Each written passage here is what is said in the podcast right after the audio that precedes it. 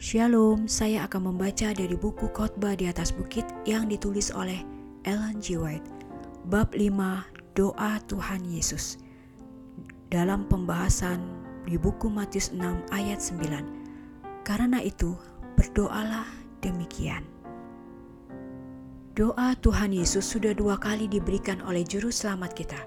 Pertama kepada orang banyak pada waktu khotbah di atas bukit, dan sekali lagi beberapa bulan kemudian kepada murid-murid Yesus sendiri. Untuk beberapa saat, murid-murid itu jauh dari Tuhan mereka. Ketika mereka kembali, mereka temukan Dia sedang berhubungan dengan Allah. Seakan tak menyadari kehadiran mereka, Dia teruskan berdoa dengan suara yang keras. Wajah Juru Selamat itu disinari dengan terang surga. Tampaknya Dia berada di hadapan Allah yang tidak kelihatan dan ada kuasa hidup di dalam kata-katanya, sebagaimana seseorang yang berbicara dengan Allah.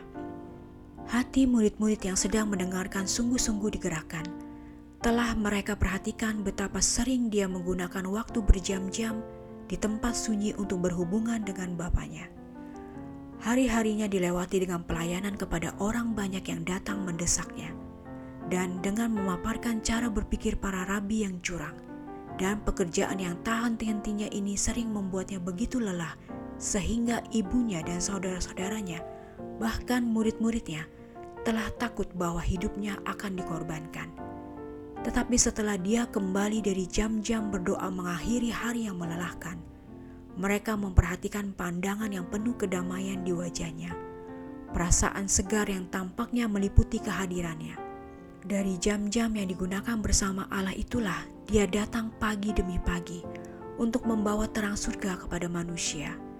Murid-murid itu telah datang untuk menghubungkan jam-jam berdoanya dengan kuasa kata-kata dan pekerjaannya. Kini, setelah mereka dengar permohonannya, hati mereka kagum dan menjadi rendah.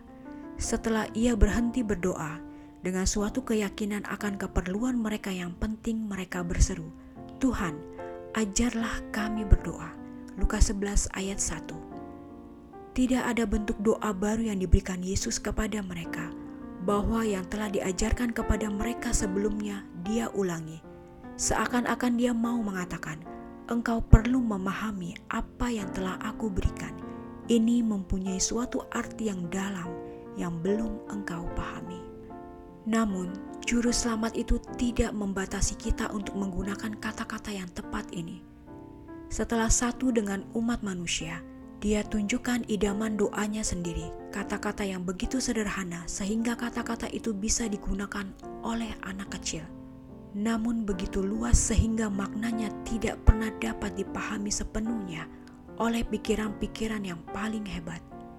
Kita diajar untuk datang kepada Allah dengan penghargaan rasa syukur kita, untuk memberitahukan kebutuhan-kebutuhan kita, untuk mengakui dosa-dosa kita, dan untuk memohon kemurahan hatinya sesuai dengan janjinya.